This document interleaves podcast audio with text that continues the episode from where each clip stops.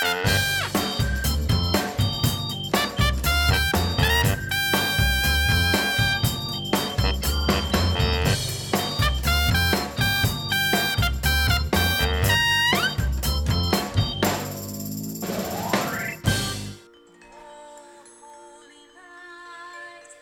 goede morgen, dames en heren. Een paar dagen voordat het kerstfeest helemaal los zal barsten, zitten Jeffrey en Dick hier voor de laatste keer in de kerstuitzending van de CIP-podcast. Een goedemorgen, Jeffrey Schipper. Dikkie, daar zijn we. Daar zijn we dan. Zeg, wat hoor ik allemaal op de achtergrond?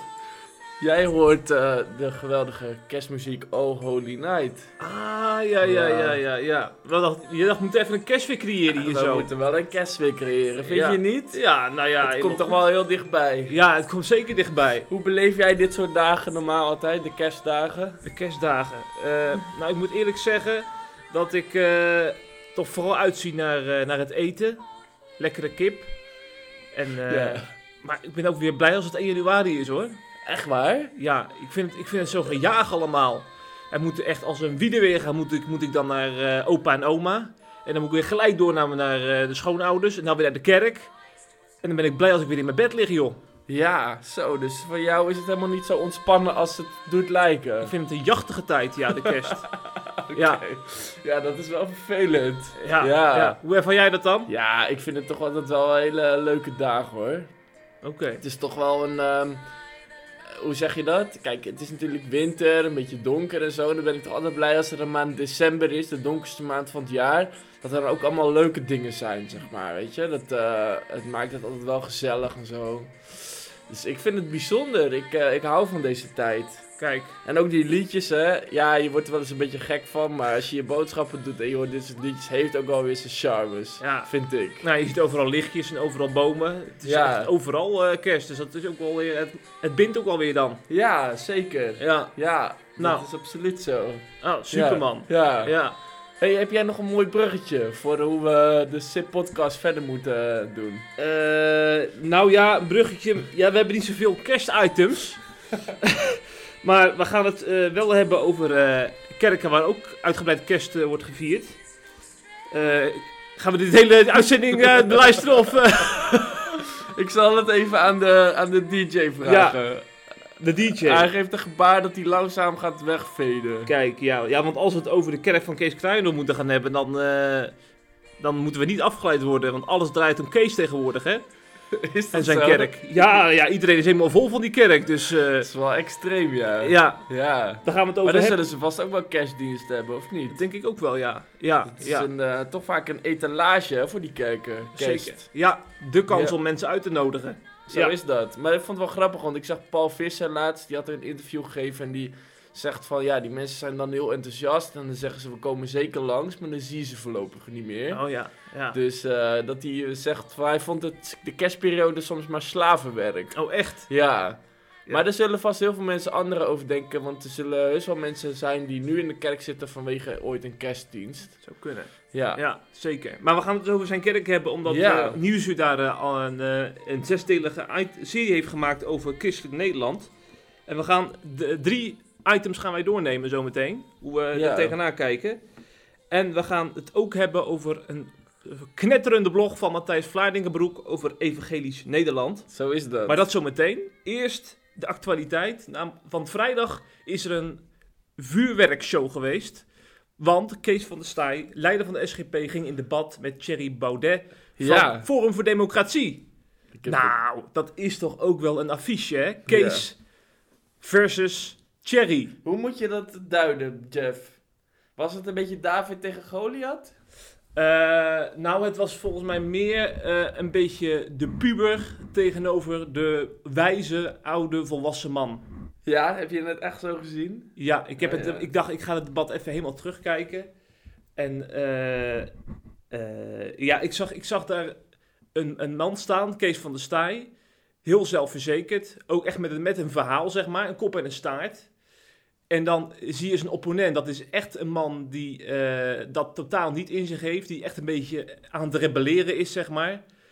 Echt eh, weer de brutale, arrogante kwast uithangen. En dat heeft hij heel de Ja. avond volgehouden. Ja. Dus jij vond dat storend of niet? Nee, dat vond ik eigenlijk wel leuk juist. Want Oké. daardoor heb je natuurlijk echt wel een dynamiek. Als je twee hetzelfde, hetzelfde debat eh, mensen hebt, dan heb je waar. niet, niet zo'n leuk debat als ja, zeg maar twee echte tegenpolen. Ja. Dus Nou, ik, eh, ik moet wel zeggen dat ik wel vond dat... eh, hoe zeg je dat? Kijk, Van der Staaij kon af en toe heel erg zijn best doen om iets over te brengen op Baudet. Weet je, dat hij heel Ja. erg zo... eh, en dan kon Baudet gewoon één keer zo knikken van, "Oh, dat is gewoon onzin. En dan, weet je, dan gleed het zo langzaam weg. En Ja. dan dacht ik, was wel van, onder de indruk dat ik dacht, die man heeft wel charisma. Oh ja, dat, Weet ja, je? dat sowieso. En dat sowieso. Eerlijk gezegd vond ik hem, eh, vond ik dat, ehm, dat hij zeg maar eh, veel sterker overkwam dan hoe Van der Maar Van der Staaij is misschien niet zo'n... Kijk, je moet dat een beetje aangeboren hebben. hè. ja. Van der Staaij was meer op de inhoud dan Baudet. Maar Baudet is wel echt, er staat wel echt iemand. ja. En ik dacht wel van, nou weet je, hij zou wel zo de nieuwe minister-president kunnen worden. Ja, dat is natuurlijk ook weer een gevaar, want de gewone Nederlander kijkt inderdaad met zo'n blik van, eh, eh, is, is, het, is het iemand die charisma heeft? Ja, Maar dan, eh, ik vind het altijd wel een beetje het gevaar van deze tijd. Van maandag heeft bijvoorbeeld Klaas Dijkhoff heeft, de prijs politicus van het jaar geworden. En dan denk ik, waar is het op gebaseerd? Het is vooral gebaseerd op zijn mooie pakken, op zijn mooie kleding, op zijn mooie praatjes, hoe die overkomt in Ja. de media.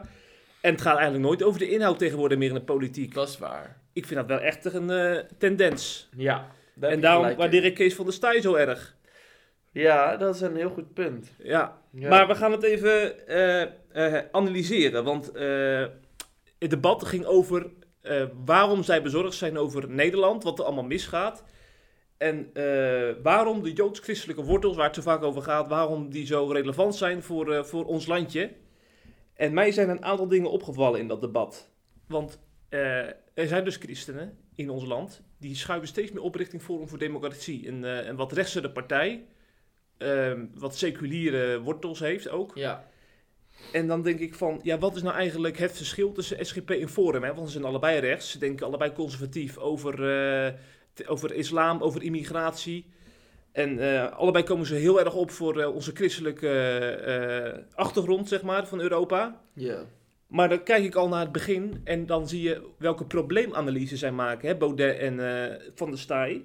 En daar gaan de wegen al gelijk radicaal uiteen. Want Van der Staaij die verwijst naar ons eigen ik. Eh, het probleem is niet zozeer zeg maar, onze, onze manier van politiek bedrijven, eh, zeg maar de, de democratie of, of het seculiere Nederland. Het probleem zijn wij zelf. Wij hebben allemaal eh, de neiging om, om zeg maar, eh, eh, onszelf hoger te achten dan de ander.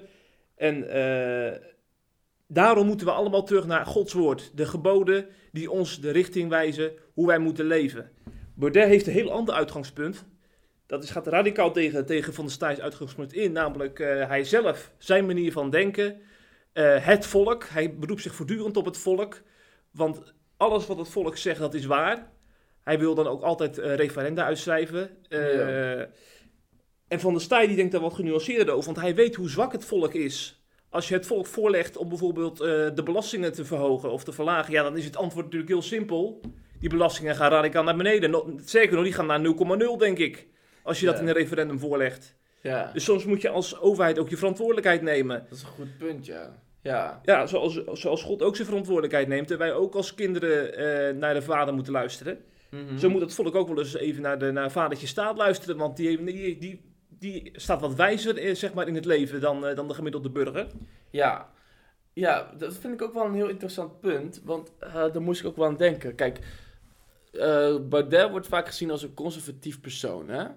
Maar van oudsher, wat centraal staat bij het conservatisme, is de notie dat de mens slecht is, zeg maar. Ja.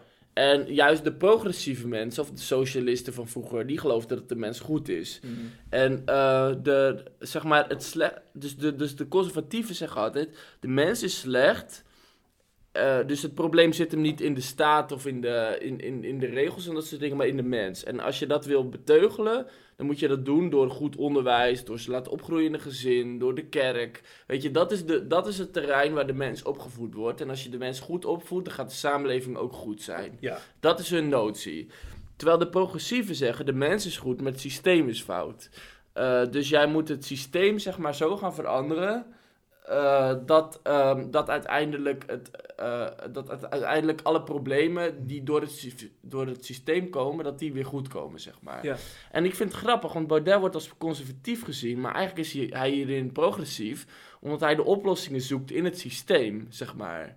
En niet in het beteugelen van de mens. Want hij gelooft, als ik het goed begrijp, in dat de mens goed is, maar dat, we in, in, dat ons systeem niet deugt, zeg Klopt, maar. dat gelooft hij. Ja, en dat is dus, eh, dat vind ik, komt heel erg uit dit debat naar voren. Dat Van der Staaij hier eigenlijk de echte conservatief is. En Baudet Ah, ja. meer progressief. Ja, ja, ja, ja. ja. Ja, dat is wel een goede conclusie inderdaad. Ja, dat vond ik een interessante, Ja. vond ik interessant om te zien. Ja, precies. Wat ook interessant was, is dat op een gegeven moment eh, werd er een vraag van het publiek gesteld over eh, het christendom.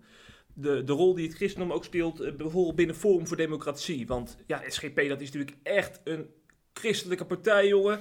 Met de hoofdletter C natuurlijk. Ja. Alles draait er om de Bijbel en om eh, de Heidelbergse catechismus. chocoladeletter C. Ja, ja, echt. Als, als inderdaad, als Piet op de, op, eh, voor de deur van Kees van der Staaij staat, dan geeft hij de C, Kerstman. de C van christelijk geeft hij dan. En eh, misschien moet hij, zijn- moet hij zijn voornaam Kees ook maar eens met een C laten schrijven. Ja.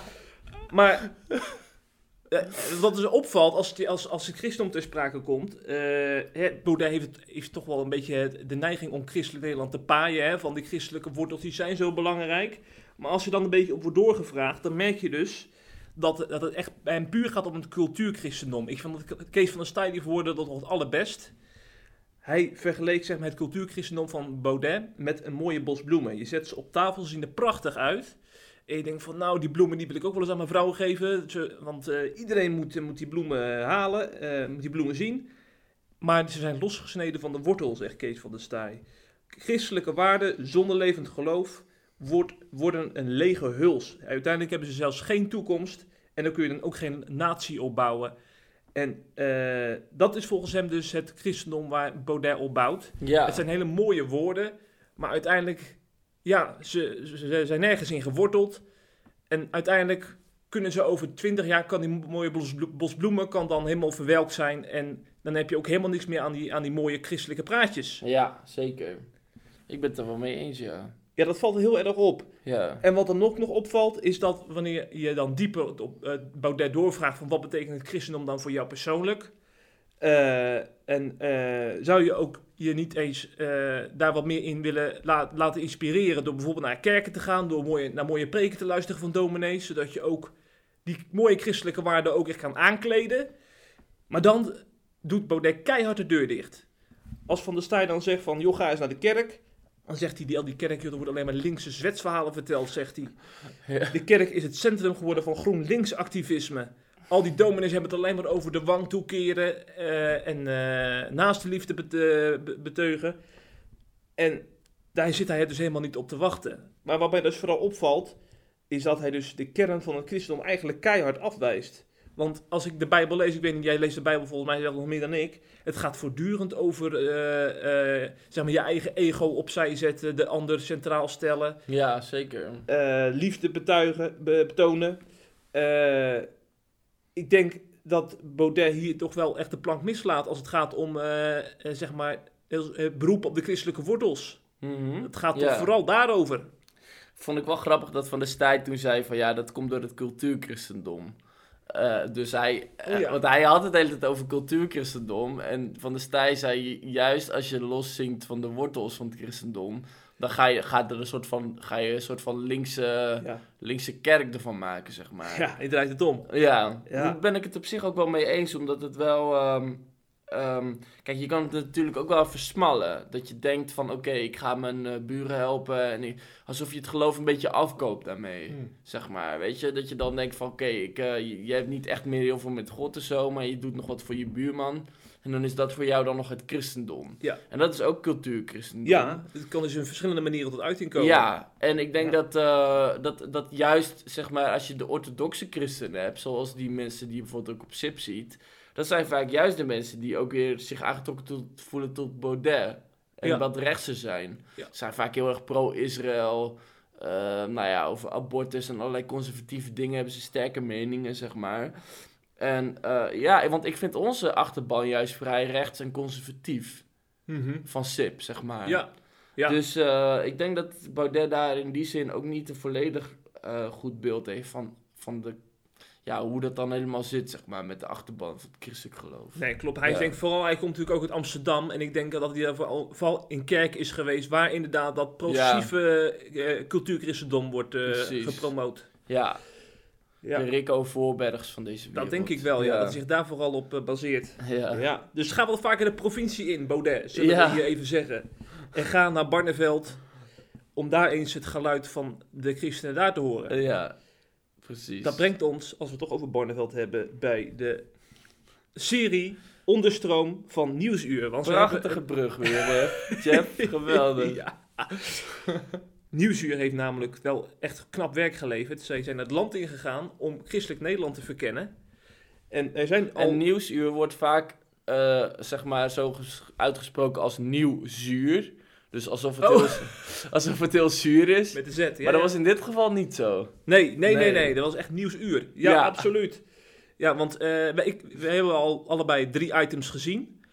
Eh, Zeker. De eerste, die ging over een kerk die nogal veel in de picture staat. Namelijk Mozaïek 0318. Ja. Ik mag geen 0, 0318 meer zeggen van mijn vrouw. Dus ik zeg 0318. Hoezo mag dat niet? Nou, dat schijn je dus niet zo uit te spreken. Ik dacht het is Mozaïek 0318. Ja, maar dat het is dus. Mozaïek 0318 is het. Blijkbaar. Nou, dan weten we dat ook weer. Dan is het, dan kan je weten zeggen 0318. Ja, maar dat is dat. dat- Dat in, mag de- dan in de vol- in de volksmond is Dat dat vloek in de, in de, in de kerk van Kees. Kleinoord. En Dus- dat willen we ook niet. Nee, nee, laten we dat niet doen. Nee. Maar Mozaïek 0318, dat is toch al eh, natuurlijk een hele bijzondere kerk. Want daarin, daar zijn heel veel eh, mensen komen daar voorbij die zeg maar een kerkelijke achtergrond hebben. En het geloof nieuw leven in hebben geblazen door, door, dankzij deze kerk eigenlijk. Ja. ze, zijn, ze zijn door de traditionele kerken zijn ze toch een beetje teleurgesteld. Ze konden er niet echt hun, hun geloof op hun eigen manier uiten en ontwikkelen. Het stond er eigenlijk een beetje stil. En eh, zo'n kerk als Mozaïek, die kan dat dan nieuw leven inblazen. En dat, eh, dat heeft uh, Nieuwsuur in beeld gebracht, ook wat kerkgangers in beeld te brengen. Van waarom ga je hier naartoe? Allemaal blije gezichten, die het vooral hebben over eh, zeg maar de, de blije, de vrolijke kant van het geloof, dat daar eh, bij hen eh, tot uiting is gekomen. En Ja. positief vind ik dan ook echt dat, dat Nieuwsuur laat zien dat, zeg maar, eh, eh, vaak is het is toch wel een beetje beeld bij de gemiddelde Nederlander van die kerken, er zitten allemaal oudjes, 50 Ja. dat loopt allemaal leeg. Eh, de katholieken, ja, die hebben allemaal misbruik gepleegd. De protestanten, die, eh, die hebben niks meer te bieden. Eigenlijk een beetje dat beeld, hè? Dat, Ja. is, dat wordt eh, geschept in de mainstream media. Mhm. Dus dan is het juist goed dat ook zo'n kerk in beeld komt. Waardoor te zien is dat het echt leeft, hè? Zo'n zo'n zo'n eh, christendom in hartje Bijbelbelt. Dat is wel leuk om te zien. Ja, zeker leuk, ja. Ja, het was wel een leuke, leuke beelden ook, zeg maar. Gewoon allemaal eh, frisse jonge mensen die, eh, nou ja, die echt heel positief over hun kerk praten, zeg maar. Ja. Ja, dus dat had ik wel, echt- je had wel echt zoiets van, nou, dat is een leuke club bij elkaar. Ja, Ja, Ja. en dan heb je, ehm, ehm, wat ik dan wel grappig vind daaraan, is dat ze altijd, altijd komt Miranda Klaver weer opdraven. ja dat is eh, zeg maar... Alsof er maar één iemand is die hier iets over te ja, vertellen heeft. de duider van, eh, van christelijk Nederland in de, eh, in de In ogen van de mainstream media. Ja, ja, Ja. inderdaad. De alwetende Miranda. ja. dus eh, die, eh, die is ook weer uit de kast eh, getrokken. Ja. En ze zei ook nog wat opvallends, vond ik. Ja, Ze zei namelijk eh, dat Mozaïek veel christenen uit andere kerken weet aan te spreken, die vaak niet heel tevreden zijn over, niet vaak, vaak niet heel tevreden zijn, of in ieder geval niet de aansluiting vinden bij hun geloofsbeleving, zoals ze dat graag zouden willen. ja. En daar zei ze ook nog bij dat eigenlijk de groei van hun zich beperkt tot, eh, tot mensen die uit andere kerken komen. Ja. Dus het is gewoon, eh, het is geen groei van het christendom, zeg maar. Maar het is gewoon een soort van ordinair jatten. Mhm. Eh, da- daar kwam het een beetje op neer. En daar is wel, vind ik wel iets op af te dingen, omdat ik dat toch me afvraag of dat echt zo is. Omdat ik wel, ik ken toevallig echt een handjevol mensen die bijvoorbeeld wel christelijk zijn opgevoed, maar gingen studeren en daar, daarna niet meer naar de kerk gingen, zeg maar. Dus ze hadden de kerk al de hele tijd niet gezien. En toen zijn ze dus een keer meegegaan naar Mozaïek. En dat paste heel goed. En daardoor zijn ze weer echt aangehaakt. Maar je kan je dus wel afvragen: van stel dat Mozaïek er niet was geweest, dan was de kans enorm groot dat zij in ieder geval niet meer naar de kerk gingen, zeg maar. Ah, ja. Dus ik vind het wel, ik vraag me dan wel enigszins af of dat echt klopt, zeg maar. Of zij echt andere mensen. Ik denk wel voor een heel groot deel, maar ik denk zeker niet op, voor allemaal. Ja. Ja, precies. En, en eh, een schaduwzijde die ik ook nog wel heb eh, ontdekt is eh, dat het gevaar van kerken als Mozaïek 0318 vind ik dat, eh, dat het toch vooral draait om mensen die al een christelijke achtergrond hebben en die dan, die dan vooral echt moeten leren om, om een discipel van Jezus te zijn. Hè? Dat het dus niet gaat om, om alleen maar naar de kerk gaan, maar ook Jezus volgen. Maar dat vind ik Mhm. nogal een beperkte doelgroep. Ik denk in Velendaal zijn ook heel veel mensen die helemaal niks met het christendom hebben. Ja. En ik, ik denk dan, eh, eh, dan is de uitdaging ook voor Mozaïek, denk ik, om ook die doelgroep te bereiken. Dus dat je niet alleen maar mensen hebt die zeg maar, het christendom al heel goed kennen, maar eigenlijk dat in een nieuw jasje eh, willen, willen ontdekken. Ja. Maar dat je dus ook richt op mensen die helemaal niks met, met, met Jezus hebben en die misschien Ja. buiten beeld dreigen te raken, doordat je nou deze mensen voor massaal aantrekt. Ja, ik ben dan ook wel ergens benieuwd hoe, of ze dat bij het mozaïek ook bijhouden, hoe de achtergronden zijn. Ja, zo in een interview Zouden we goed, eigenlijk een eh, keer moeten doen, ja. Ja, jij gaat Ja. dus Kees Kraaienhoer interviewen in 2019. Nou, dat Dan ga je wel een goed eens- plan, ja. Ga je dan maar eens even aan Gaan vragen. even dat feiten, fact-checken. Ja, ja. Ja. Want ik vond het ook wel grappig dat zij dus ook zei van... eh, eh, dat dit, dat ze kerken als het mozaïek... de leegloop van de kerk niet zullen stoppen, zeg maar. Dat Ja, was dat, wel dat zijn een, Miranda klaar. Ja, ja. dat is best een eh, duidelijke uitspraak. En eh, ja, vond ik wel interessant. En toch ergens vind ik het dan ook wel weer... ben ik dan ook wel weer de persoon die dan ook wel weer denkt van... oké, daar wil ik me ook weer niet helemaal bij neerleggen dat het echt zo is of zo. Nee, nee. Ik denk wel dat als, als kerken meer zo zullen worden... dus ook echt gewoon een warme gemeenschap... een kerk wat gewoon... eh, nou ja, een beetje zoals zij... maar dan misschien ook weer op, op andere manieren... Ik denk dat dat ook wel een heleboel kan helpen, zeg maar. Ja. dat de kerk... Dat, ja, ik zie toch genoeg mensen in, eh, toch wel weer ook op jaarbasis tot geloof komen... door wat ik bijvoorbeeld bij SIP zie... of op andere manieren dat ik denk van... Het is toch misschien net iets te makkelijk gezegd. Ja. Ja. Ja. Brengt ons bij het tweede item. Dat ging over de migrantenchristenen in Nederland. Ja. Het is echt ongelooflijk wat een grote groep dat is. 1 miljoen mensen in Nederland eh, zijn christenmigrant. Ja. Eh, dus als we dan over een toestroom van migranten hebben, dan denken we natuurlijk al vaak aan islamitische mensen die, ons, die hier de sharia komen opleggen. Maar er zijn dus eigenlijk gewoon voor de helft mensen die, al, die, die een christelijke achtergrond hebben. Alleen al in Amersfoort, bleek uit het item, zijn er 21 migrantenkerken. Zo. Nou, ik vind dat echt een heel groot eh, aantal. Mhm. En in de, het item van Nieuwsuur kwam een hele leuke pastor aan bod. eh, een Nigeriaanse eh, voorganger. dat was wel een vrolijke kerel. Vrolijke kerel. hij heeft de, de Glorious Chapel heeft hij opgericht. Ja. En eh, wat, wat mij nou echt positief opviel in het item, hè, is dat dit soort kerken, die, die, die, die zijn hier niet alleen maar gericht zeg maar, op de zondagse kerkdienst, om mensen een hele mooie boodschap voor de week mee te geven. Ze zijn ook heel erg gericht naar, op het integreren van, van de mensen. Er zijn natuurlijk mensen die, die zeg maar, hun eigen cultuur hebben meegenomen naar Nederland. Afrikanen, Aziaten. En eh, dan is het natuurlijk ook wel fijn om manieren te vinden om echt ook eh, eh, zeg maar, de Mhm. Nederlandse manier van leven te omarmen. ja. En dat geeft dus ook vorm in die kerken zelf. Door taalkursussen te geven, huiswerkbegeleiding te doen aan scho met scholieren. Hmm. Ik zag ook een, een soort naaiatelier om ook wat meer ja, ook binding met de wijk te krijgen door middel van activiteiten. En dat, dat vind ik toch wel ook een, wel een positieve kant van migrantenkerken die ik niet zo vaak nog eh, belicht zag. ja, zeker. Heel erg gericht op ook de integratie. Ja, absoluut. Ja, nee, dat is daar heel extreem hoor. Hoeveel, eh, hoe, hoe, het- ik heb mezelf heel lang verdiept in de Bijlmerkerken bijvoorbeeld. Nou, je wil echt niet weten wat je daar allemaal ziet. Zeg maar, die pastors die helpen ook al die mensen om, om hun belastingformulieren in te vullen. Eh naschoolse opvang, echt van alles. Je wil echt niet weten. En, want die mensen die hebben vaak geen idee hoe het hele doolhof werkt. Of bijvoorbeeld als ze een woning zoeken of, of allerlei dat soort dingen. Ook heel veel illegale... eh, weet je, dus dat is... Ja, dat is er zo ontzettend veel geld bespaard er staat daarmee. Ja.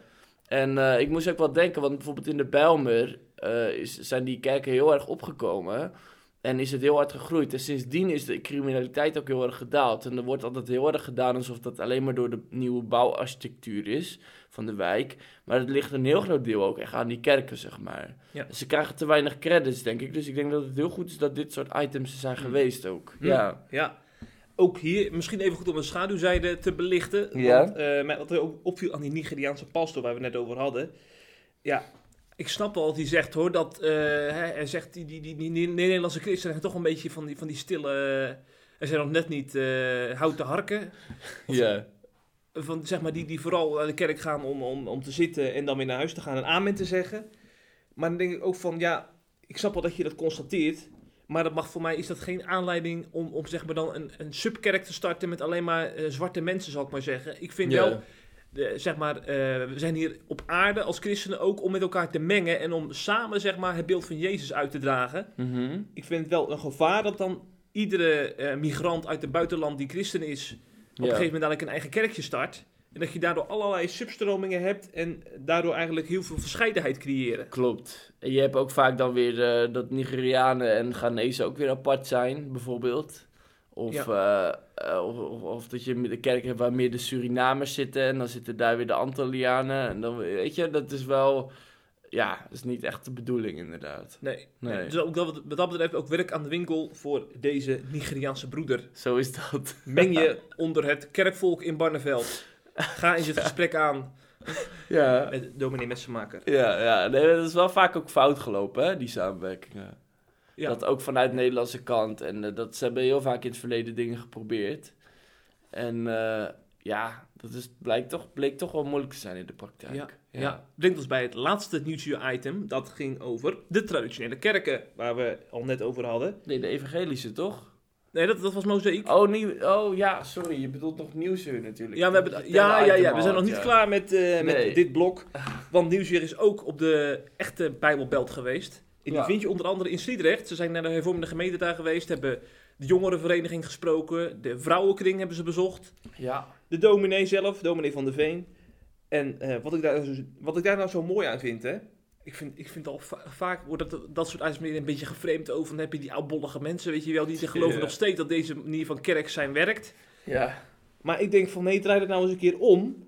Eh, deze mensen laten zich, ondanks alle, zeg maar, eh, eh, s- stromingen om zich heen, de hele wereld moet toch een beetje moderner worden en meegaan met de tijd. Ondanks al die, die, die, eh, die gedachten laten zij zich niet afleiden. En zij zeggen gewoon, nee, we gaan gewoon lekker twee keer naar de kerk. We laten ons leiden door de Bijbel, door Gods woord.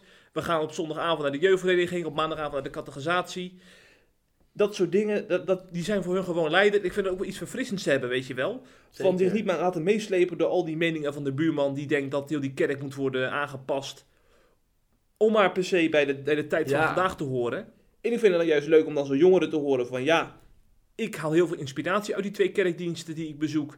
Zo ga ik de week weer in. En eh, hij ziet dan ook, die, die kerel die dan aan bod kwam, die, die zit daar helemaal enthousiast over te vertellen. Ja. Heerlijk vind ik dat.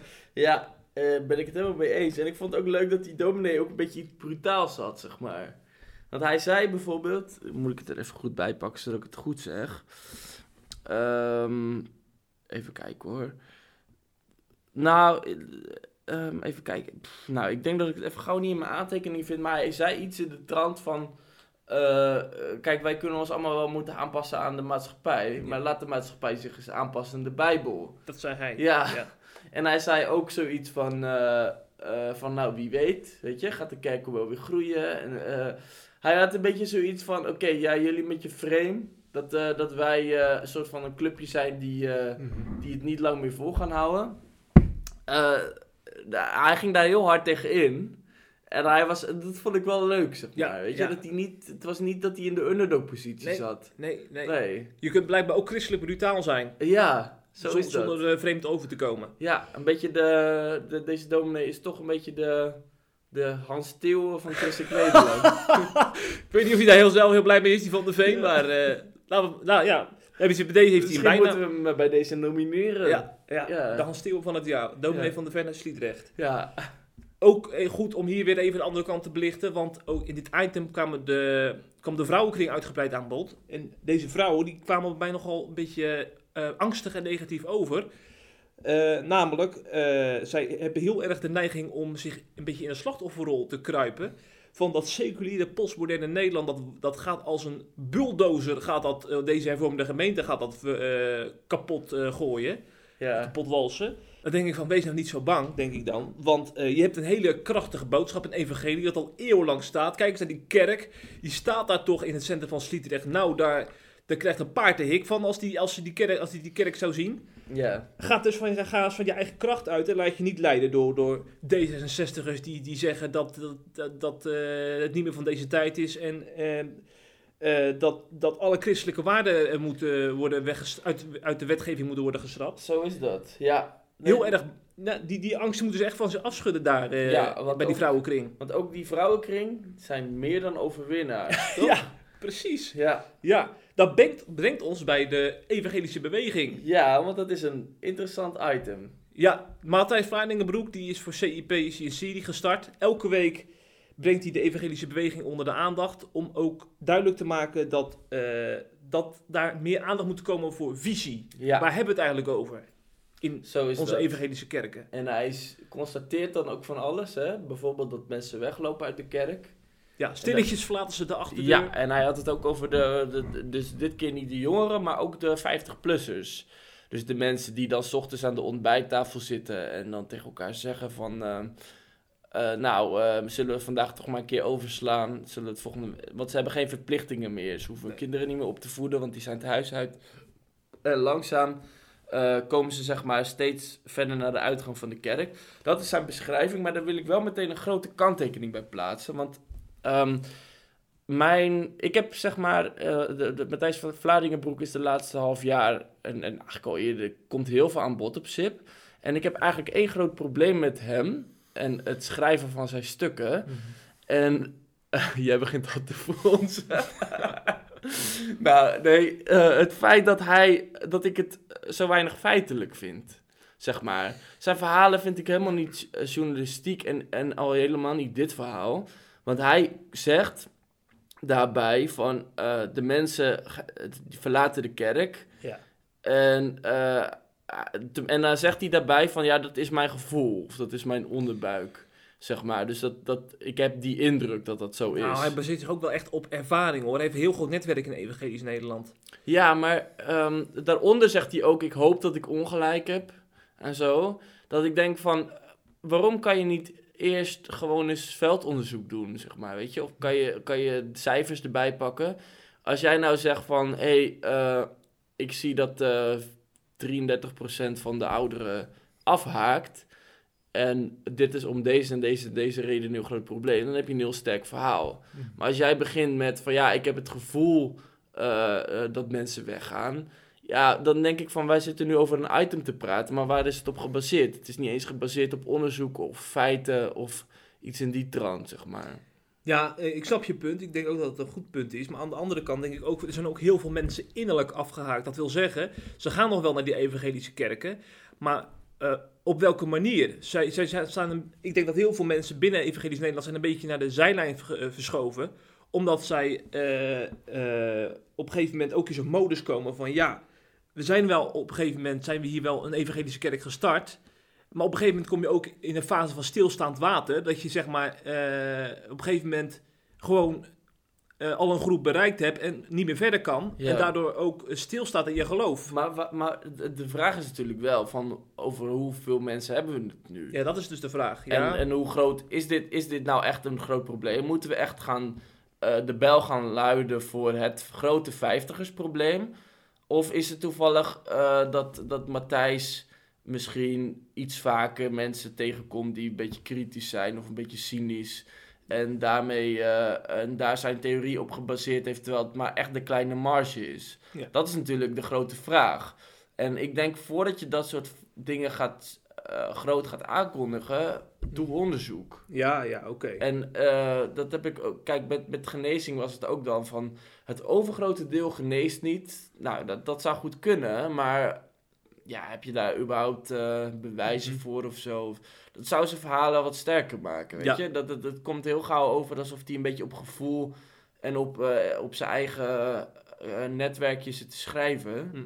Maar ja, waar is, je kan toch ook even onderzoek doen, zeg Ja. maar. Ja, Ja. nee, ik snap je punt. Ik snap je punt ook. Ja. Oké. Ja, ga verder. maar om dan toch op basis van die ervaringsverhalen dan toch uit te gaan van, van mensen die, die eh, eh, uiteindelijk stilletjes de achterdeur van de evangelische kerk verlaten. Dan denk ik van, dat er zijn manieren voor om dat te voorkomen. Eh, ik vind dat vaak toch, toch wel in de evangelische kerk een, vo- een vorm van vrijblijvendheid die regeert. Mhm.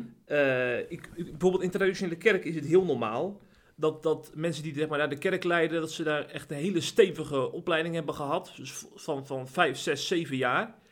En vervolgens eh, eh, op, bij een gemeente worden geplaatst die op sleeptouw nemen met de kerkenraad. Ik denk dat die basis vaak bij, bij evangelische oudsten ontbreekt. Omdat zij vaak zeg maar, hun, hun ehm, oudsten zijn als een soort van hobby ervaren. En daarnaast fulltime of va- vaak fulltime werken. Ja. Eh, en daardoor ook niet echt tijd hebben om, om stevige opleidingen te doen. Stevige cursussen, bijbelcursussen te doen en zo de gemeente op te bouwen. Ik denk ook aan, aan evangelische jongeren die niet verplicht naar catechisatie hoeven. Eh, in tegenstelling tot in traditionele kerken, waar je op maandagavond gewoon eh, als 12-jarige eh catechisatie van een ouderling of een dominee volgt. En als die vrijblijvendheid er is, dan, dan creëer, je al, creëer je al een beetje een sfeer van... ja, je kan hier ook op een gegeven moment gewoon de achterdeur verlaten, want het is jouw keus. Ja. Die, die, je, je creëert een soort van sfeer waarin men- mensen niet per se aan de kerk gebonden zijn. Mhm. Ik denk dat dat al een mooie opdracht is die, eh, die via Matthijs' constatering kan worden me- meegegeven aan, eh, aan evangelische kerken. Ja, ja. En maar hoe, eh, de, de vraag is natuurlijk wel van hoe ontstaat zoiets dan, zeg maar. Want Want is, wat? nou, hoe, hoe beginnen mensen daar op zo'n manier over te denken?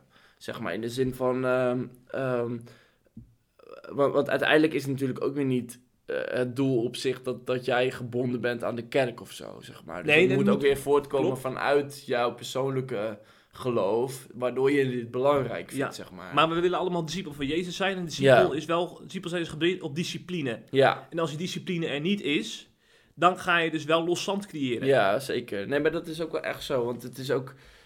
eh, ja, je gaat toch ook heel erg denken van... eh, Hey jongens, ik zou toch even nog in de podcast spelen. Oh, Hey, ja, hoor, hey, je eh, moet Rick- niet stoppen, je moet niet stoppen. Je mag Rick, nee, niet maar ik wil, je, ik wil het bij je mond houden dat je goed te luisteren Je bent. mag, verstaan nee, bent. je mag het ook niet eruit knippen, want ik wil toch af en toe even mijn intrede maken in de Ja, podcast. ja, ja. Waar gaat het over? Moet ik mijn mening ergens over geven? de, het interview van Matthijs Vladingenbroek. Matthijs Valingenbroek, dat was geen interview, dat was een column. Of dat was een column, ja, inderdaad. En het punt van Matthijs was... Dat steeds meer eh, evangelische volwassen mensen stilletjes de achterdeur van de kerk verlaten. Omdat er geen visie is in eh, evangelisch Nederland. Ja, en het is ook totaal niet geschikt voor wat mensen die wat beter kunnen nadenken. Toch ook een soort van anti-intellectualisme in de kerk. Toch? De kerk is gewoon veel, helemaal, vaak niet uitdagend meer voor jongvolwassenen. Die zijn gewoon bezig met een werkcarrière, met eh, hun dromen waarmaken. noem het allemaal maar op. Die zijn ambitieus en die vinden niet zo'n ambitieuze geest in de kerk. Dat is gewoon al jarenlang horen ze hetzelfde. Ja, daar hebben we het inderdaad net over gehad. Tot zover mijn mening. Doei. Bedankt voor je toevoeging, eh, meneer Bokelman. Maar, eh, maar jij was een beetje verhaal bezig. Ga verder. Ehm, even denken hoor. Nou, ik denk dat, eh, dat Rick daar een mooi punt had. Ik heb geen idee meer waar ik het over had, eerlijk gezegd. Oké, nou misschien Ja. kan ik nog een nieuw punt maken. Ja, Eh, want eh, wat mij ook opvalt, is eh, dat je, dat je op, op een gegeven moment kun je ook in een soort sleur terechtkomen. Hè? Want Matthijs maakt ook terecht complimenten aan de evangelische beweging. Van dat ze heel goed zijn in alfa-cursussen, in, in mensen... ja, dus mensen heel makkelijk binnenhalen. bi- mensen makkelijk Ja. binnenhalen. Maar op een gegeven moment eh, ben, je, ben je 10, 20 jaar verder. En dan ben je een volwassen christen. En dan? Ja, En dan denk ik van, je moet die sleur moet je doorbreken. Ik, ik, ik, ik heb toch vaak, ik heb in een evangelische kerk gezeten waarbij ik toch in een sleur terecht was gekomen. Zondag naar de kerk, maandag naar de bid stond, eh, woensdag bijbelstudie en dan één keer per jaar een hele mooie maar evangelisatie. je was dan alsnog een hele fanatieke christen, Ja, zeg ja, maar. ja, want je ja, ging ja. drie keer per week eh, doen. Zeker, ik was Ja. ook wel gemotiveerd. Ja, Maar ik denk ook, ook als gemotiveerde christen kun je in een sleur terechtkomen en die kun je doorbreken, bijvoorbeeld met een profetiecursus. Heb het eens een keer over thema's die, die eigenlijk in je kerk nooit aan bod komen. Het ging bij ons, sommige items kwamen bij, en zegt no, bij ons nooit aan bod. Als je nou een profetiecursus organiseert van, van twee, drie maanden, waarin je echt met, met, met een groep christenen eh, de praktijk eh, ingaat van Mhm. hoe, hoe werkt dat dan, die geestesgaven, ja. dan ga je ook eens een keer eh, mensen enthousiast maken voor iets nieuws in Gods Koninkrijk. Dat kan ook bijvoorbeeld door een, door een Israëlreis. Ga eens met je gemeente één of twee weken naar Israël. en ga daar vervolgens een jaar lang een, een mooie bijbelcursus op baseren waar je met je gemeente doorheen gaat. Zo doorbreek je echt een bepaalde sleur waar, waar, waar je anders... Waar, waar, je, waar, waar, je, waar je in kan komen te zitten als je al tien jaar naar dezelfde kerk gaat. Ja, Ja, en ik denk ook wel dat als jij zeg maar eh, het gevoel hebt van oké, ik heb het nu wel gehoord en ik vind het prima en het is leuk geweest, dat tekent ook wel een bepaald gebrek aan verlangen voor de toekomst van de kerk, zeg maar. En ik denk dat dat heel belangrijk is om, eh, om dat altijd te blijven houden. Dat je toch, eh, ook al zie je misschien eh, de tendensen niet de goede kant op gaan, dat jij altijd eh, op zo'n manier leeft dat, dat jouw leven vrucht draagt. En dat jij de mensen om je heen activeert en aansteekt. Dat je ook mensen mee naar de kerk neemt die misschien nooit tot geloof gekomen zijn. Of dat je ze bijvoorbeeld, weet je, dat je, dat je misschien een keer voor je buurman gaat bidden of zo. Iets in die trant. Ik denk dat dat echt heel belangrijk is. En als je da- dat hele verlangen niet hebt, Ja. eh, dan ga je eigenlijk alleen maar voor jezelf, weet je. Dus dan ga je puur voor jezelf naar de kerk. Terwijl ehm, je, je hoort er juist ook heen te gaan voor mensen om je heen. En ik denk als je, ik denk dat dat wel een, vorm van lauwheid is. En misschien ook een beetje luiheid. eh, dat jij ehm, uiteindelijk dan maar bepaalt van oké, ik haal er niks meer uit. eh, prima, bye bye, zeg maar. Want wat is dan jouw verlangen nog voor de toekomst van de kerk in Nederland, zeg maar? Die is, die dat is gewoon helemaal uitgestorven op die manier. Hm.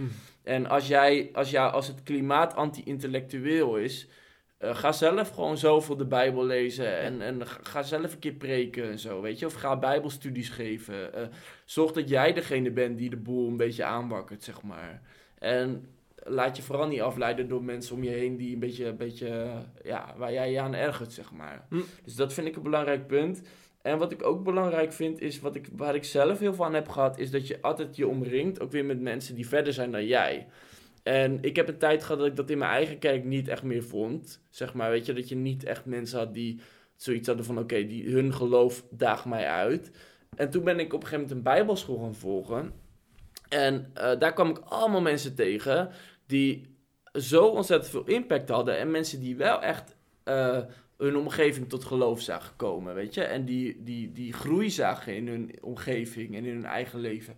En ik denk dat, dat je dat soort mensen, als je die niet in je, in je kerk hebt zitten, ga die mensen opzoeken. Bijvoorbeeld op bepaalde themadagen of bepaalde een bijbelstudie. Mensen die een honger hebben. En ik kwam daar op een gegeven moment ook mensen tegen die echt, eh, ja, gewoon die zo'n passie voor Jezus hadden. En die ook vanuit die passie daarvoor ook heel veel tijd met hem doorbrachten. En dat ik echt dacht van wauw, weet je. Ik vond het dan moeilijk om een half uur te bidden. Ja. Of, of, of vijf minuten. En eh, ja, zij, zij eh, vinden het bijna moeilijk om minder dan een uur te bidden. Omdat ze zo genieten van wie God is en bla bla. En als je dat soort aanstekelijke mensen om je heen verzamelt, dan ga jij ook zeg maar eh, aangestoken worden erdoor. Dus ik denk dat dat ook, dus, dus ja, eh, ik denk dat dat wel belangrijke dingen zijn. Ja, mooie Ja. uitdagingen om eh, eens in praktijk te brengen. In Zo is 2019, als je toch Ja. goede voornemens gaat maken. Want zoals Einstein zei, dat als jij. ehm, ik, pff, hij zei het zo mooi en ik ga het nu heel lelijk zeggen, maar hij zei iets in de trant van. eh, je moet niet, als je dezelfde inspanningen doet, moet je niet verwachten dat je andere resultaten krijgt.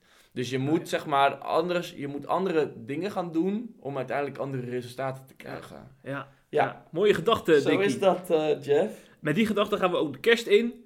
En we zien elkaar luisteren, of nee, horen elkaar luisteraars weer na de feestdagen. Want wij gaan eventjes dicht. Wij willen ook even genieten van ons gezin en van de prachtige kerkdiensten Ja, die nog allemaal Zo is dat. voor ons liggen. Zo is dat. Ja. En word ook dan in die feestdagen even C lid om in 2019 onze website te ondersteunen. Ja, en misschien heb jij ook nog een, eh, een, een partner die ook heel erg van SIP houdt. Geef hem een SIP Plus abonnement als kerstcadeau. Juist. Dat is nou een top idee zeg. Dat zou echt goed zijn, toch? Ja. Absoluut. Gewoon 5 euro per maand, 1 euro voor het goede doel. Hoe prachtig is dat? CIP.nl. We zien jullie daar. Doei doei! De groeten.